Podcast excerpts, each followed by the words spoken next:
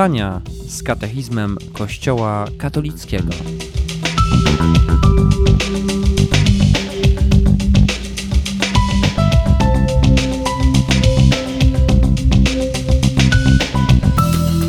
Zaprasza ojciec Bartłomiej Parys, werbista.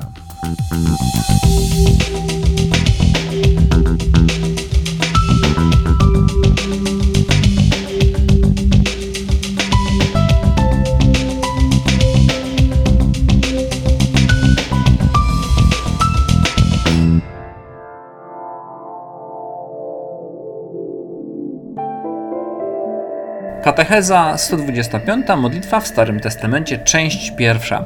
Katechizm e, w tej części o modlitwie chrześcijańskiej, w, pier w pierwszym, e, pierwszym dziale tego, tego właśnie osta ostatniej części katechizmu, e, przechodzi przez etapy objawienia się Boga. No i właśnie dzisiaj dotkniemy etapu Starego Testamentu, pierwszej części, bo za tydzień dokończymy, bo to jest dużo treści, ale to, co też ważne powiedzieć, katechizm ma, można powiedzieć, taką różną dynamikę. On zresztą był pisany przez różnych autorów, chociaż zatwierdzony jest przez Ojca Świętego. E, I o ile często ta część e, doświęcona życiu chrześcijańskiemu i przykazaniom w tych detalach teologii moralnej może być ciężka, to szczególnie pierwsza i druga część yy, katechizmu i teraz czwarta jest taką, taką piękną opowieścią i sami to zaraz zobaczycie. Nie jest to tak, e, takie bardzo detalistyczne, ale jest to pewna opowieść o historii e, zbawienia. Dla nas Stary Testament jest ciągle punktem odniesienia, o tym będzie jak wrócimy znów do do pierwszej części katechizmu w nowym sezonie, jak skończymy modlitwę chrześcijańską. E, Stary Testament nie zdezaktualizował się w takim sensie, się wypełnił, ale ciągle z nas odniesieniem tego, jak Bóg działał i szczególnie w przestrzeni modlitwy jest bardzo, bardzo istotny. I te wzory modlitwy e, zapisane przez właśnie autorów natchnionych są do dziś dla nas e, przestrzeniami Słowa Bożego, które naszą modlitwę ożywia i dlatego też Kościół nam daje, przede wszystkim w psalmach, chociaż o psalmach będzie za tydzień. No to przejdźmy do zagadnień dzisiejszej katechezy. Powiemy o objawieniu się modlitwy w Starym Testamencie, stworzenie jako źródło modlitwy, obietnica i modlitwa wiary, Mojżesz i modlitwa pośrednika i ostatnim dzisiejszym zagadnieniem będzie Dawid i modlitwa króla. Objawienie modlitwy w Starym Testamencie. Objawienie modlitwy w Starym Testamencie wpisuje się między upadek i podźwignięcie człowieka, między bolesne wołanie Boga do swych pierwszych dzieci, gdzie jesteś, dlaczego to uczyniłaś, i odpowiedź jednego syna przechodzącego na świat: Oto idę, abym spełniał Twoją wolę, Boże. Modlitwa jest więc złączona z historią ludzi, jest związkiem z Bogiem w wydarzeniach ludzi.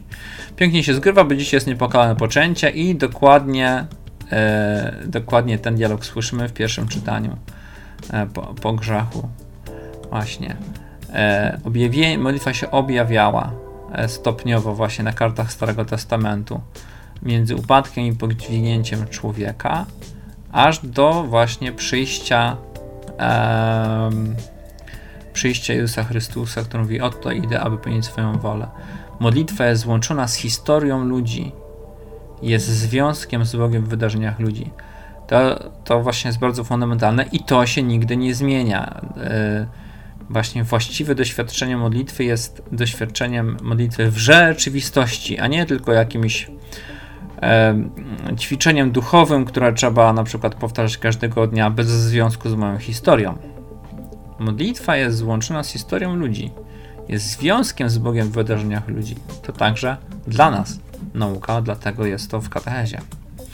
Stworzenie jako źródło modlitwy, czyli o, u początku istnienia rzeczywistości. Modlitwa jest przeżywana najpierw na podstawie rzeczywistości stworzenia. Dziewięć pierwszych rozdziałów Księgi Rodzaju opisuje ten związek z Bogiem jako ofiarę pierwocin trzody składanych przez Abla, jako wzywanie imienia Bożego przez Henocha oraz jako wędrówkę z Bogiem. To jest piąty rozdział Księgi Rodzaju. Ofiara Noego jest przyjemna Bogu. Bóg błogosławi Noego, a przez niego błogosławi całe stworzenia, ponieważ jego serce było sprawiedliwe i nieskazitelne. On także odbywa wędrówkę z Bogiem. Taka modlitwa jest udziałem bardzo wielu sprawiedliwych we wszystkich religiach. W niezachwianym przymierzu z istotami żywymi Bóg ciągle powołuje ludzi, by modlili się do Niego. Jednak w Starym Testamencie modlitwa została objawiona przede wszystkim począwszy od naszego ojca Abrahama. Za chwilę będzie Abrahamie, ale chcę jeszcze wrócić właśnie tutaj e, o tym, co mówi katechizm. Mówi o Noem, który był sprawiedliwy i mówi, taka modlitwa, taka jak Noego, jest udziałem bardzo wielu ludzi sprawiedliwych we wszystkich religiach. Warto to podkreślać, bo e, raz po raz ludzie mają taką świadomość Kościoła katolickiego, że Kościół katolicki patrzy na innych ludzi jako, którzy nie są częścią Kościoła katolickiego, jako prawdopodobnych potępieńców.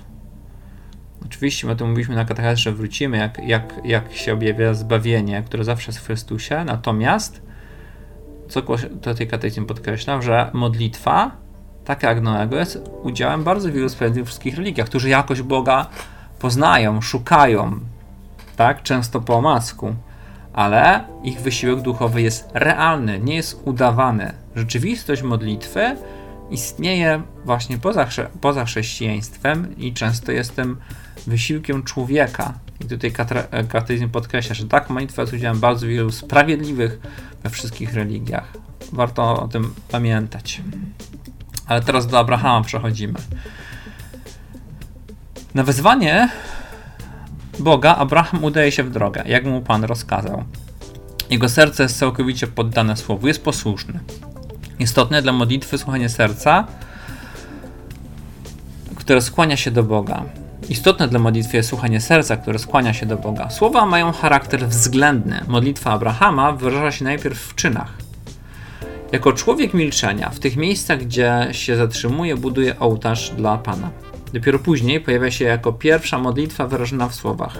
Cicha skarga przypominająca Bogu jego obietnice, które jak się wydaje nie spełniają się. Od samego początku ukazuje się w ten sposób jeden z aspektów modlitwy próba wiary w wierność Boga. Uwierzywszy, uwierzywszy Bogu, wędrując w Jego obecności w przymierzu z nim, patriarcha Abraham jest gotowy przyjąć pod swój namiot tajemniczego gościa. Ta przedziwna gościnność pod dębami Mamre przygotowuje do zwiastowania prawdziwego syna obietnicy. Od tej chwili, gdy Bóg powierzył mu swój zamysł, jego serce pozostaje w harmonii ze współczuciem Pana dla ludzi i ośmiela wstawiać się za nimi z odważną ufnością. No właśnie, Abraham jest tym pierwszym, który zaczyna odpowiadać Bogu na jego przyjście w tym właśnie tej drodze ratowania ludzkości.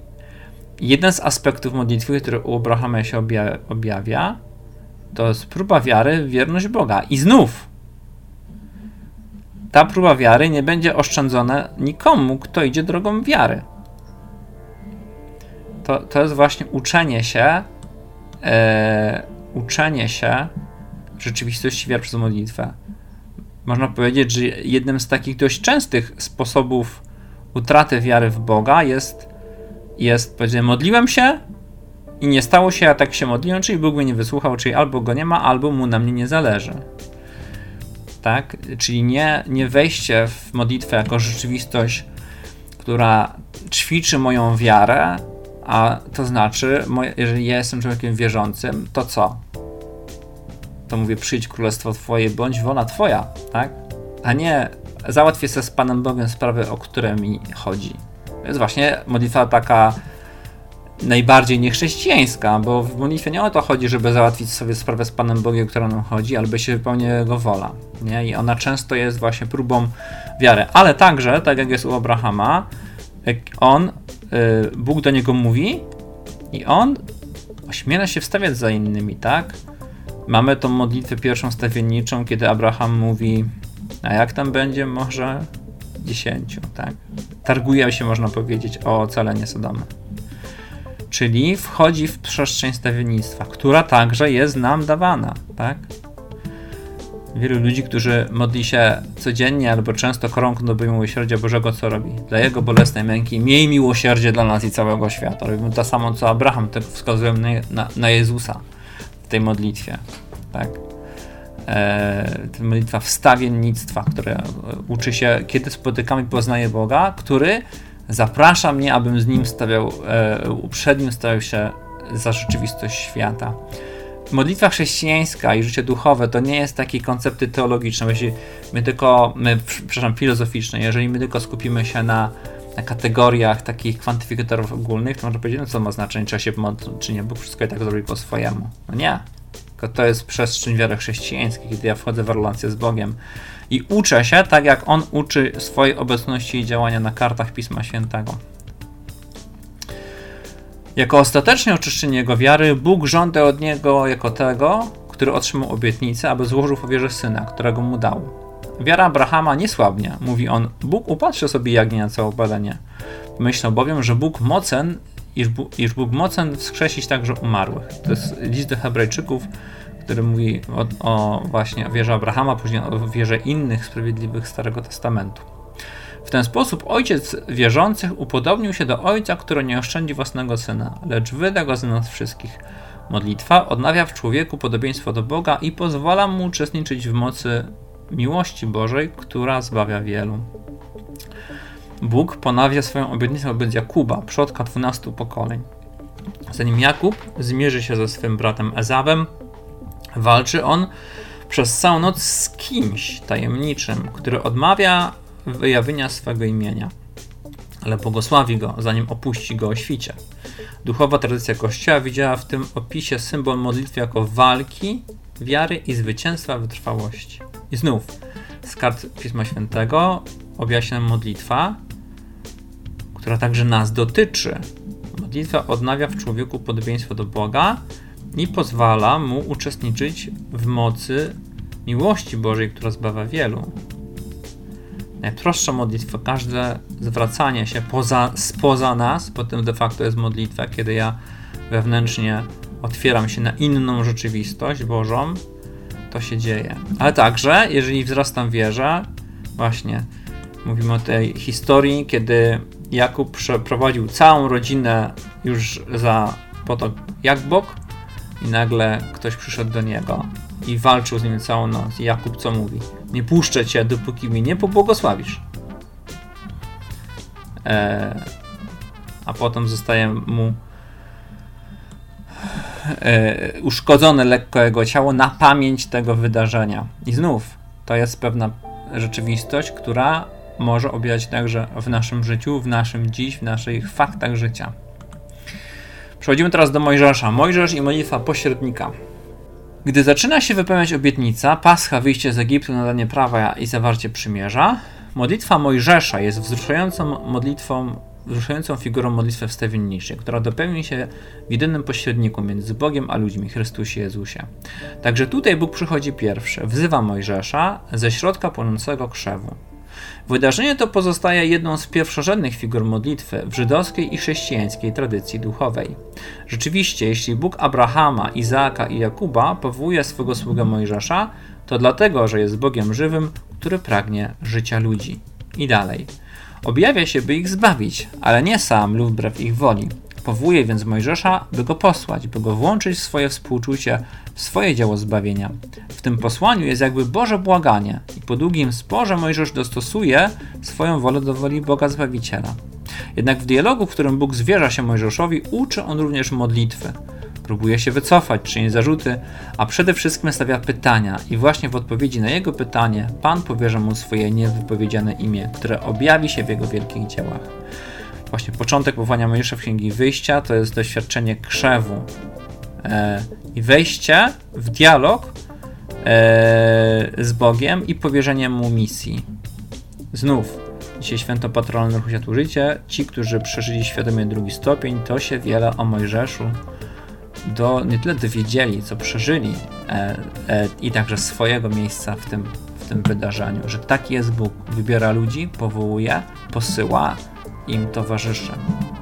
No i dalej, e, rzecz bardzo bliska dla wszystkich członków ruchu Życia, namiot spotkania, Księga Wyjścia, 33 rozdział, 11 wersz. A Pan rozmawiał z Mojżeszem twarzą w twarz, jak się rozmawia z przyjacielem. Modlitwa Mojżesza jest obrazem modlitwy kontemplacyjnej, dzięki której sługa Boży pozostaje wierny swemu posłaniu. Mojżesz często i długo rozmawia z Panem, wstępując na górę, by go słuchać i błagać, wstępując ku ludowi, by mu przekazać słowa jego Boga i by go prowadzić uznany jest za wiernego w całym moim domu. twarzą w twarz mówię do niego w sposób jawny, ponieważ Mojżesz był człowiekiem bardzo skromnym, najskromniejszym ze wszystkich ludzi, jacy żyli na ziemi.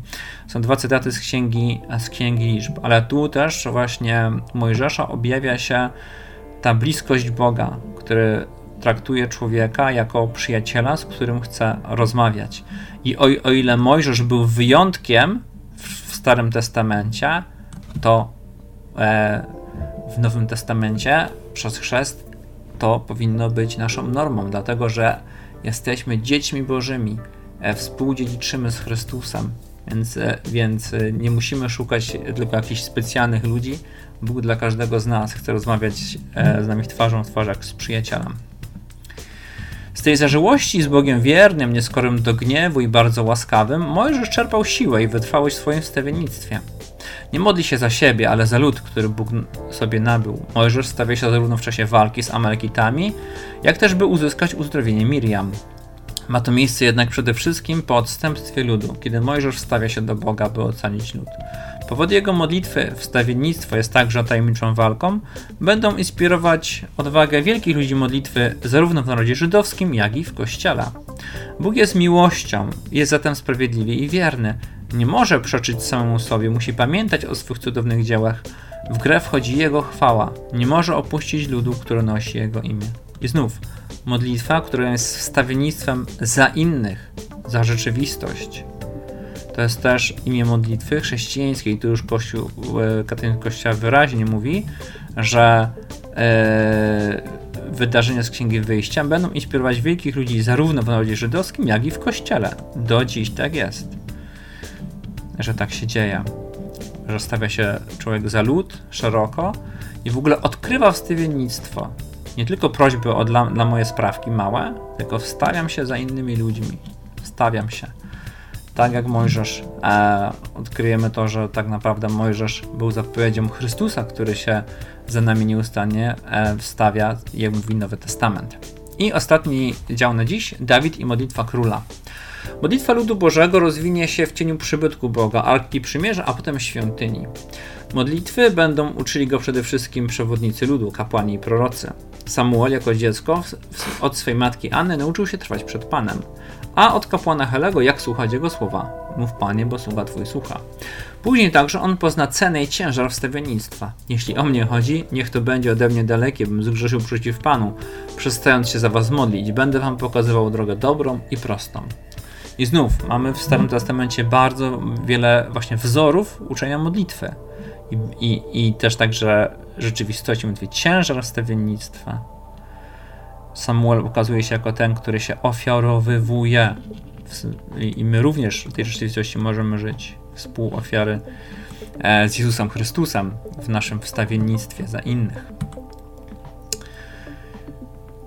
Dawid jest w pełni królem według Bożego Serca, pasterzem, który modli się za swój lud. I lud w jego imię i, w jego imieniu. Tym, którego poddanie się woli Bożej, wysławienie Boga oraz skrucha będą dla ludu wzorem modlitwy. Ponieważ jest namaszczony przez Boga, jego modlitwa jest wiernym przyglęciem do Bożej obietnicy. Jest miłującym i radosnym zaufaniem do tego, który jest jedynym królem i panem. Dawid, natchniony przez Ducha Świętego, jest w psalmach pierwszym prorokiem modlitwy żydowskiej i chrześcijańskiej. Modlitwa Chrystusa, prawdziwego Mesjasza i Syna Dawidowego objawi i wypełni znaczenie tej modlitwy. I Dawid jest rzeczywiście szczególny. O psalmach jeszcze powiemy w następnej katechezie, ale psalmy są naszą modlitwą także. Tak. Każdego dnia Kościół modli się ogromną ilością psalmów i w liturgii e, Eucharystii i w e, liturgii godzin. I Dawid e, ułożył psalmy pod natchnieniem Ducha Świętego, co nam tutaj pokazuje katechizm Kościoła, tak jest, to nie było tylko jego poetyckie jakieś uniesienie, ale Duch Święty go natchnął i psalmami napisanymi przez, mój, przez Dawida modlił się Jezus Chrystus. One stało się treścią modlitwy Jezusa. My dość rzadko o tym będziemy mieli osobne katechezy właśnie tutaj. Bardzo rzadko w, obecnie w Kościele w takim po, poprze, e, potocznym rozumieniu w ogóle rozumiemy, że Jezus się modlił. Bo bardzo często Jezus dla nas jest kimś w niebie, daleko od nas i nie, nie przeżywamy w ogóle kategorii, że Jezus Chrystus się modlił. tak, że żył w rzeczywistości modlitwy, był prawdziwym człowiekiem. E, więc e, Jezus modlił się słowami psalmów, które ułożył Dawid pod natchnieniem Ducha Świętego i my modlimy się również tymi psalmami jako naszymi z perspektywy Pana Jezusa. O tym będzie jeszcze za tydzień. Ostatni cytat na dziś. Świątynia Jerozolimska, dom modlitwy, który Dawid pragnął zbudować, będzie dziełem jego syna Salomona. Modlitwa w czasie poświęcenia świątyni opiera się na obietnicy Boga i na jego przymierzu, na czynnej obecności jego imienia pośród jego ludu oraz pamięci o wielkich dziełach wypełnionych podczas wyjścia z Egiptu. Król znosi ręce ku niebu i błaga Pana za siebie, za cały lud, za przyszłe pokolenia, o przebaczenie ich grzechów i o zaspokojenie ich codziennych potrzeb, ażeby wszystkie narody widziały, że On jest jedynym Bogiem i że serce Jego ludu całkowicie do Niego należy. Więc tu mamy jeszcze kontynuację właśnie w postaci syna Salomona. W obecnym czasie chyba najbardziej takim wy wymownym wydarzeniem miało, mie miało miejsce w 2002 roku, kiedy była konsekracja świątyni właśnie e, Bazyliki Bożego Miłosierdzia w Giwnikach i wtedy jest czytanie Salomona, kiedy Salomon właśnie mówi o tym, czym się znaczy świątynia i Jan Paweł II odwołuje się do tej modlitwy Salomona w swojej homilii. Także widzimy, jak, jak e, te rzeczywistości ukazane w Starym Testamencie ciągle do nas przenikają, oczywiście z perspektywy wydarzenia Jezusa Chrystusa.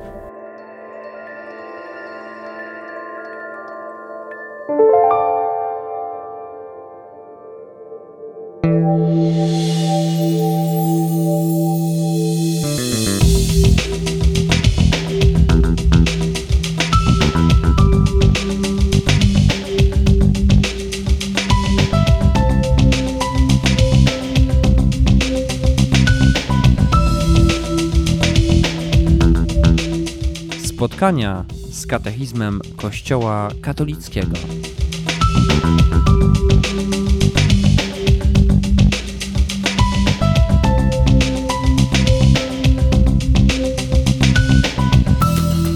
Zaprasza ojciec Bartłomiej Parys, werbista.